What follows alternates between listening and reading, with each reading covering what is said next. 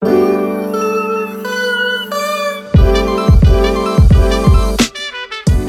is de podcast Eigenwijs Effect. De podcast waarin ik verken hoe de Inner Development Goals een inspiratiebron kunnen zijn voor eigen wijsheid in werk en leven. De Inner Development Goals, de IDG's, zijn ontstaan vanuit de gedachte dat onze mensheid zich nog verder te ontwikkelen heeft om in de tijd waarin we leven de gewenste veranderingen met elkaar tot stand te brengen. Ik ben nieuwsgierig hoe anderen hiernaar kijken, hoe zij hun eigen wijsheid ontwikkelen en ga met hun in gesprek aan de hand van een van de Inner Development Goals. Mijn naam is Simone Berenpoot, verander nomade. Ik begeleid organisaties, teams en individuen bij het realiseren van een eigenwijze verandering. Heel leuk dat je luistert. Geniet van het gesprek. Vandaag ontmoet ik Brechtje Spijkerman, een veelzijdige creatieve vrouw. Oprichter van trainingsbureau Teamtalk, podcaster met Bazen Radio en Impact Conversations Nijenrode en schrijver van twee boeken, Hybride Teams en Navigeer je team naar succes. Bovendien ook een boeiend mens, ben ik achtergekomen door het gesprek. Ze schroomt niet om vanuit haar hart te spreken over creativiteit als energiebron, hoe ademen, spelen en hybride werken deze bron kunnen voeden en de kunst van het leven in elke levensfase. Het werd een geanimeerd gesprek dat ik met heel veel plezier gevoerd heb. En ja, ik kan alleen nog maar wensen dat het gesprek ook jouw eigen wijsheid mag voeden. Geniet.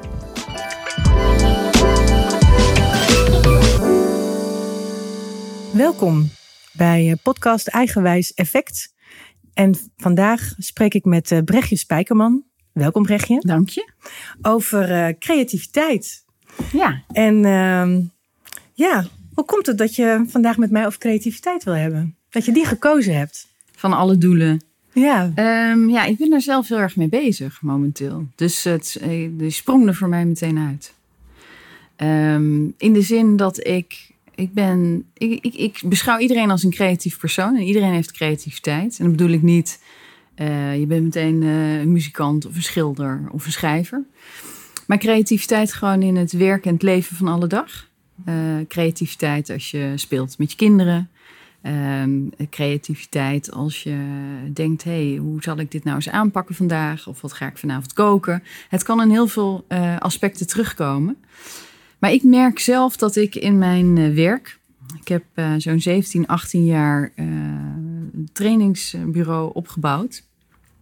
Dat ik op een gegeven moment zo onderdeel werd van het instrument, zeg maar, wat ik aan het bouwen was. Dat mijn creativiteit een beetje opdroogde. En dat was best wel een confronterende conclusie. Want ik heb dat altijd gezien als trainer of als projectleider van projecten, dat dat uh, mensen overkwam met kantoorbanen, waar ik vaak voor de groep stond. Mm -hmm, dat ja. ik meermaals dacht: Goh, uh, de cre enige creativiteit die ik hier voel, die hangt in een kunstcollectie aan de muur. Maar die is ver te zoeken bij de mensen hier in de groep. Hè? Dus dan daag je ze uit om anders te denken. Om, ja dat bruisende, dat, de inspiratie terug. En dat, dat, dat is dan best wel hard werken. Ja. En op een gegeven moment merkte ik, hé, hey, ik ben het zelf kwijt. Hoe oh, kan dat nou? Een soort blackout, uh, blackout of hoe, hoe voelde ja, dat? Ja, het is als ondernemer zul je niet snel misschien burn-out raken. Uh, dat zal met een heel andere podcast, uh, om daar wat gedachten over uit te wisselen. Maar ik denk wel dat ehm, bij mij ook, ook een beetje omwille van de volgende, het volgende project, de volgende opdracht, het volgende doel. Dat ik te veel vanuit de ratio en het resultaat ben gaan denken. Kijk, mijn creativiteit komt altijd wel ergens tot uiting. Mm -hmm. ja? Want dat heb je net al gemerkt. Mm. Ik ben heel associatief en ik heb altijd ideeën. Ja, dus, dat klopt. Uh, dus dat gaat, ik vind het heel leuk om met mensen mee te denken. Dus, en dat, dan ben ik eigenlijk wel op mijn best. Hm. Alleen creativiteit zie ik ook als een energiebron. En als die opdroogt, hè, dus eigenlijk inspiratie. Waar raak je door geïnspireerd? Wat, wat, wat beweegt je echt?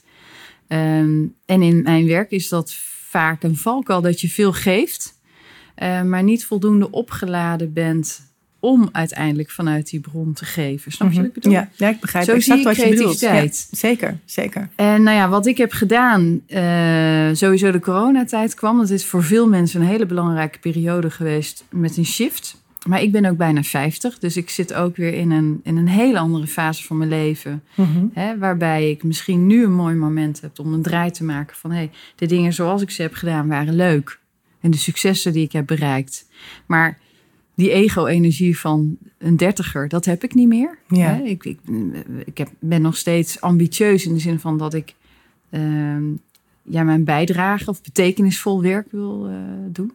Maar er zit veel minder die power achter. Dus ik, ehm, ik vind Wat het... bedoel je power of bedoel je druk? Die ego Of- of power, Van, van ik er moet- moet, iets, er Ja. moet iets gebeuren. Ik had rond mijn dertigste wel, vanaf mijn twintigste, van eh, ja, ik wil iets neerzetten en ik wil het grootste trainingsbureau en het moet beter en het kan anders. Mhm. En ja, dat, dat heb ik nu niet meer. En, eh, en dat is bijna alsof ik over een andere persoon praat. Ik vind het, ik heb heel veel eh, waardering voor de Brechtje die dat allemaal heeft gebouwd en gedaan. ja.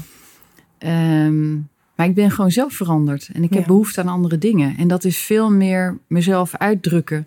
Dus ik denk dat ik ehm, dat aspect, namelijk iedereen is creatief, maar ik, ik ben denk ik echt wel een creatief persoon. Ik ben iemand die dat ook nodig heeft om dat in mijn werk terug te zien Mhm. en daar vrij in te zijn. Daarin heb ik niet goed voor mezelf gezorgd. ja. Dus ik zou, hè, nu heb ik een, een jaar, ik heb eigenlijk een, de structuren die ik had in het bedrijf, hè, dus eh, de BV die ik had gebouwd en mensen in loondienst en groep freelancers, dat heb ik, eh, eh, daar heb ik afscheid van genomen. Ik heb mezelf dit jaar vrijgemaakt, helemaal voor dit thema, om ervoor te zorgen dat ik weer energie krijg van dingen, dat ik met leuke mensen werk en dat ik ja, veel meer weer tot de oorsprong kom van wie ik ben en hoe ik mezelf daarin kan uitdrukken.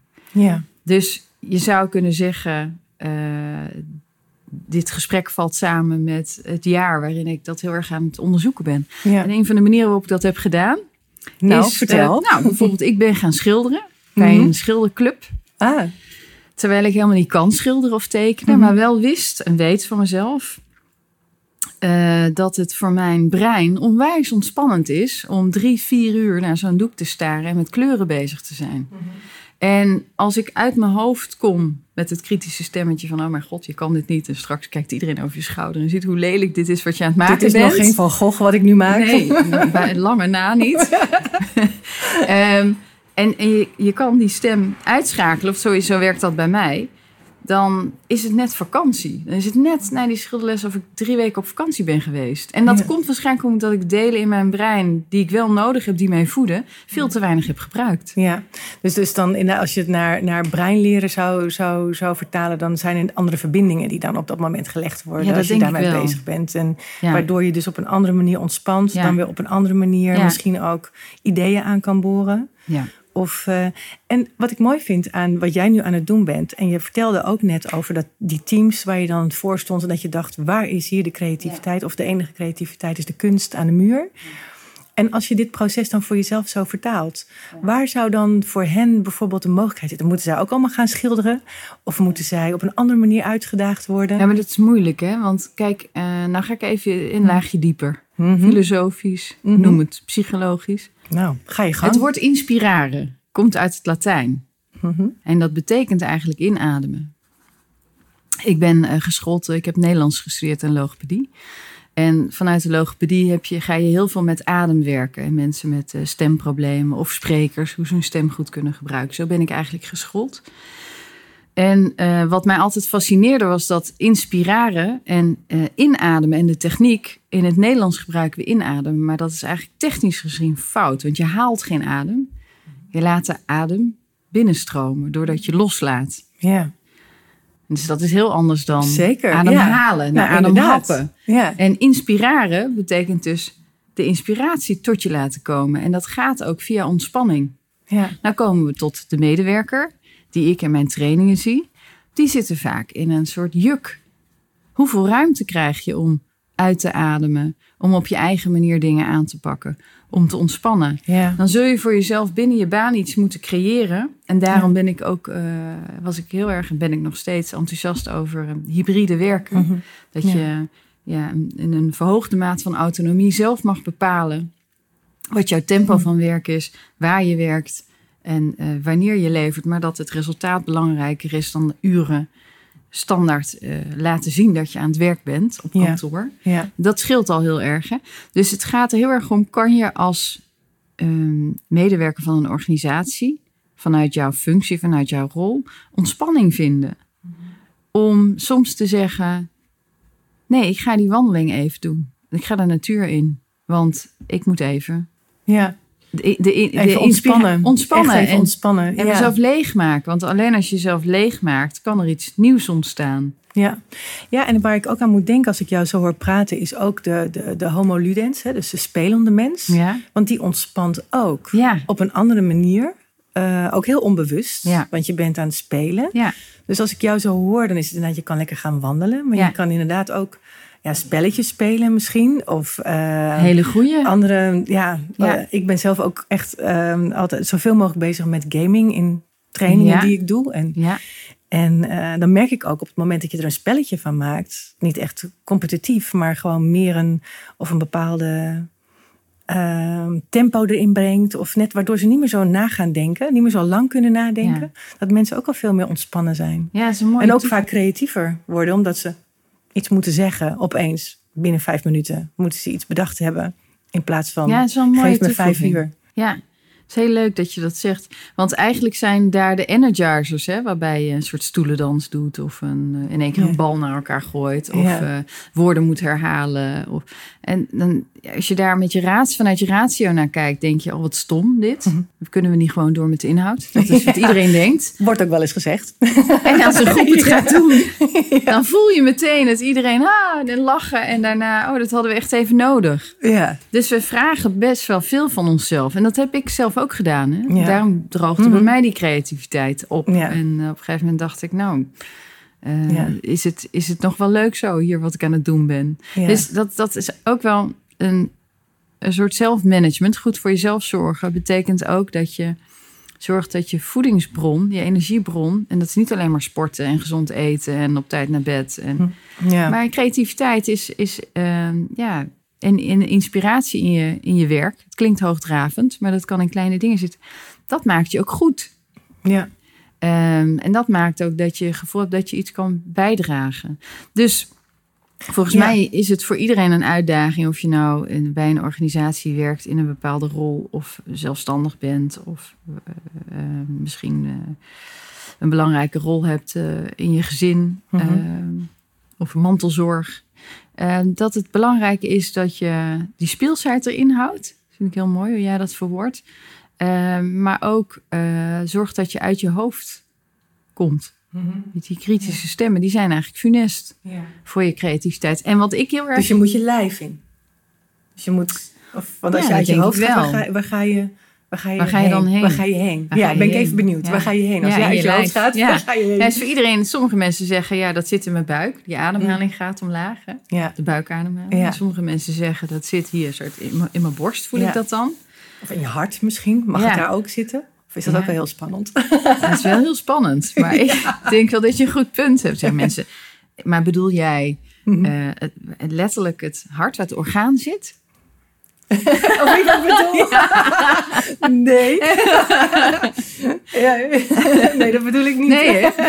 Nee, ik bedoel dan wel dat figuurlijke Dat- hart. Het, ja. figuurlijke Waar je hart. je dat openstelt en waar iedereen je- weet ja, dat zit. Daar ontvang je. Een mooi Jezusbeeld laat dat altijd zien. Hè? Ik wijst altijd naar het hartchakra. Ja, ja, ja. Het, ken, ja, het knelpunt. Nou, niet het knelpunt, maar het knooppunt. Ja.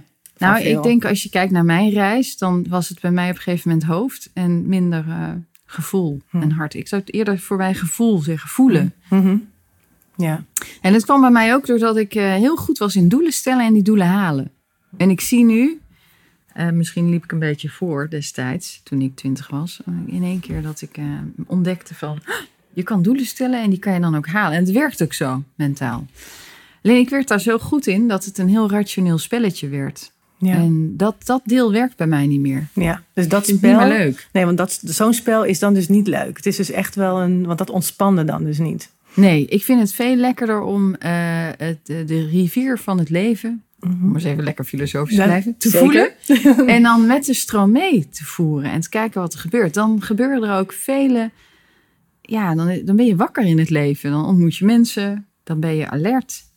Dan, eh, dan ben je eigenlijk ook, eh, ja, is het leven veel eh, comfortabeler. Mhm. Snap je wat ik bedoel? Ja, ik snap wat je En bedoelt. dat is een Ja, gevoel. Dat helemaal. kan heel Ja. abstract klinken voor mensen. Maar je voelt wel als je denkt van hè, deze afgelopen half jaar. Dat ging, ik, het was alsof ik tegen de stroom in aan het zwemmen was. Alles zat tegen. Mhm.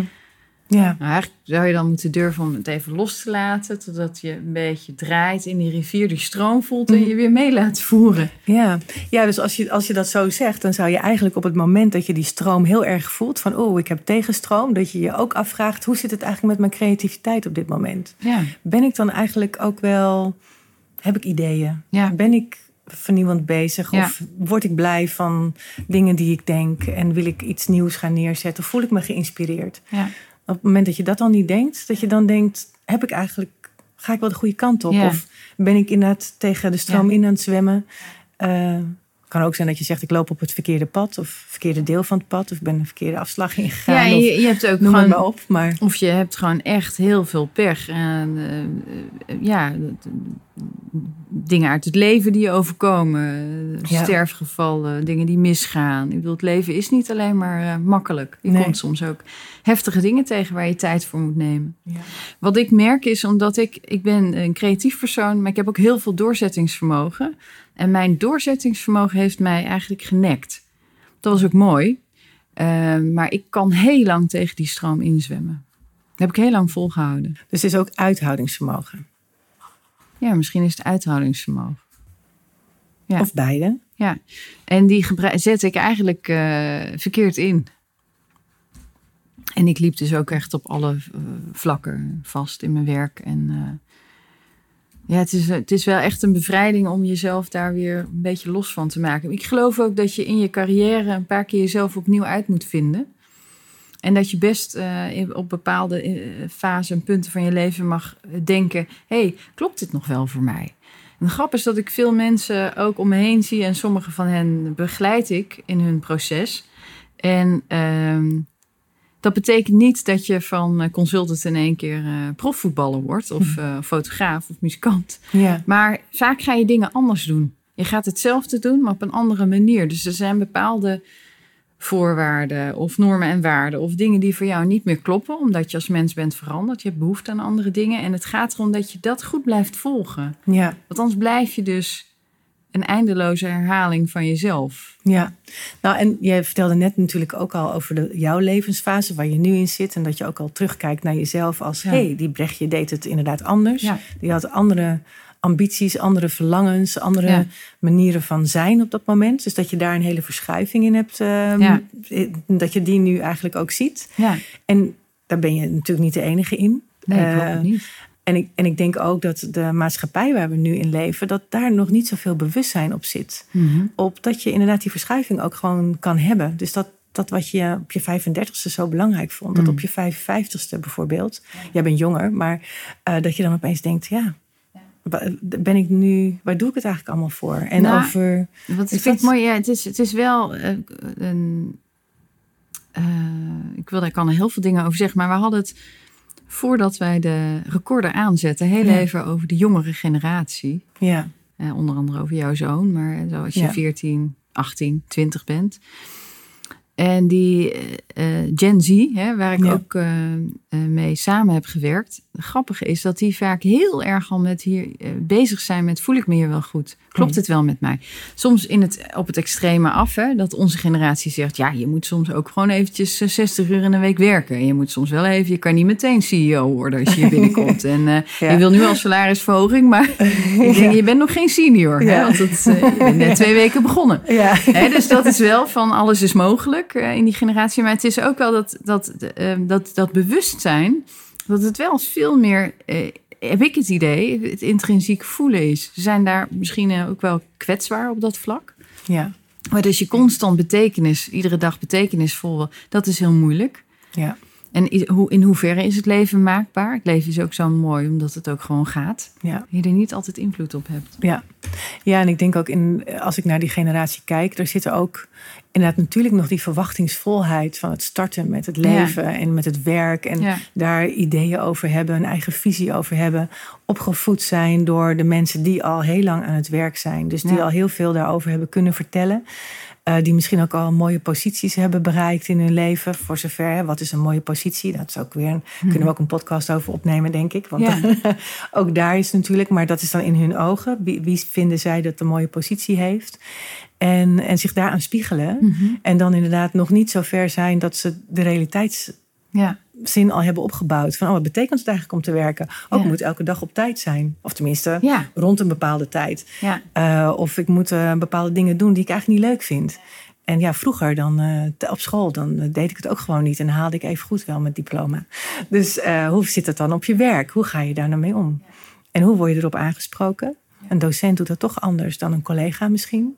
Ja. Ja, het zijn allemaal mooie dingen waar ze dan uiteindelijk tegenaan lopen, denk ik ook. eh, Ja, dat en waar ze ook creativiteit voor nodig hebben om daar weer mee om te leren gaan, denk ik.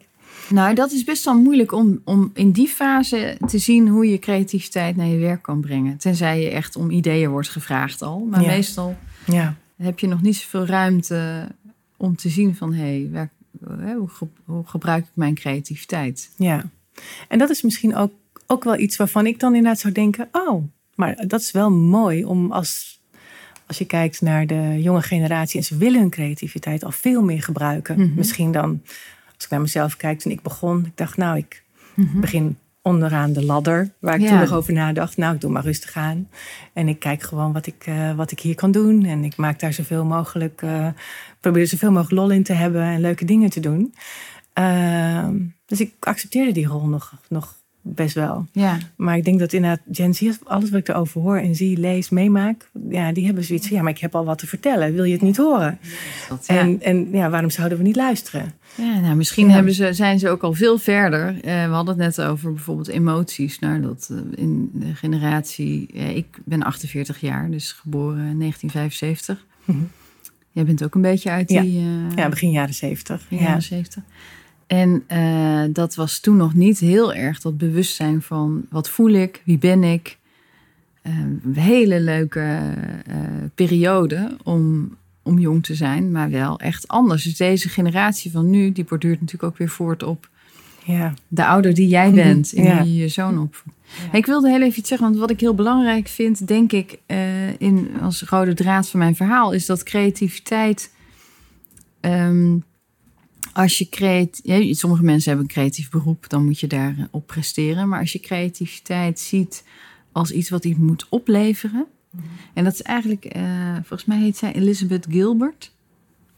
Uit het prachtige boek van haar. Nou, misschien kan je het nog ergens in je, in je show notes. Ja, zal ik eh, zetten. verkondigen. Ja, ja.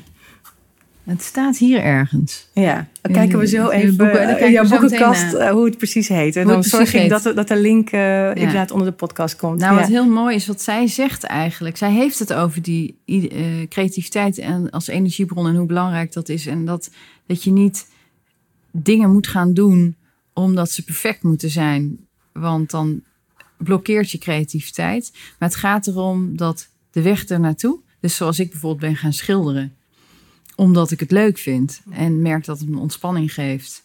Ook al kan de rest van de groep heel goed schilderen. En ik ben misschien wel creatief en kan mezelf uitdrukken. Maar technisch gezien stelt Ja. het niet zo heel veel voor.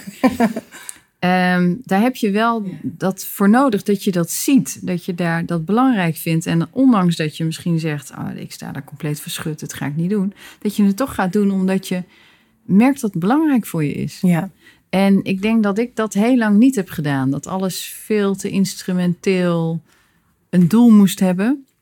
En goed genoeg moest zijn. ja, Het moest iets opleveren. ja. En ik denk dat het moeilijk is voor mensen nu. Dus ook voor jongeren. Om te zien dat eh, creativiteit aan zich en jezelf vrijmaken voor nieuwe ideeën. En geïnspireerd raken. En dus tijd nemen om een boek te lezen. Wat misschien niet over je werk gaat. Maar een hele spannende detective. Wat je weer in een andere wereld brengt. Of Ja, ja. Dus weer andere perspectieven leert zien. En uh, ja, dus nou ik denk, nou ja, eens mooi. Mooie, mooie afsluiting ook van, uh, van, uh, van deze, deze podcast. En ja, uiteindelijk hebben we het over creativiteit gehad, maar er zijn heel veel van deze inner development goals ook voorbij gekomen in een hele mooie combinatie eigenlijk. Om het, om het uh, want je had het net toch ook nog over een stukje authenticiteit. Hoe, hoe kom je echt bij wat je zelf ja. graag wat je voelt dat je wil. En dat dan ook doen en durven. Dus moed kwam ook nog even voorbij. Dus uh, heel ja, prachtig hoe je dingen verwoordt. En een mooi proces waar je zelf nu ook in zit in je creativiteit. En ik ben heel erg benieuwd waar het jou gaat brengen. Uh, dankjewel voor dit gesprek, Brechtje. En nou, wie weet tot een volgende keer. Ja, leuk. Dankjewel. Dag. Je luisterde naar een aflevering in de serie Eigenwijs Effect met de Inner Development Goals. Vond je dit leuk en interessant? Geef dan 5 sterren of een duimpje en abonneer je op deze podcast in jouw favoriete podcast-app. Wil je zelf ook een eigenwijs effect realiseren of er meer over weten? Volg me dan op Instagram of LinkedIn of neem meteen contact met me op. Je vindt alle gegevens in de show notes. Ik vond het fijn dat je luisterde. Tot de volgende keer.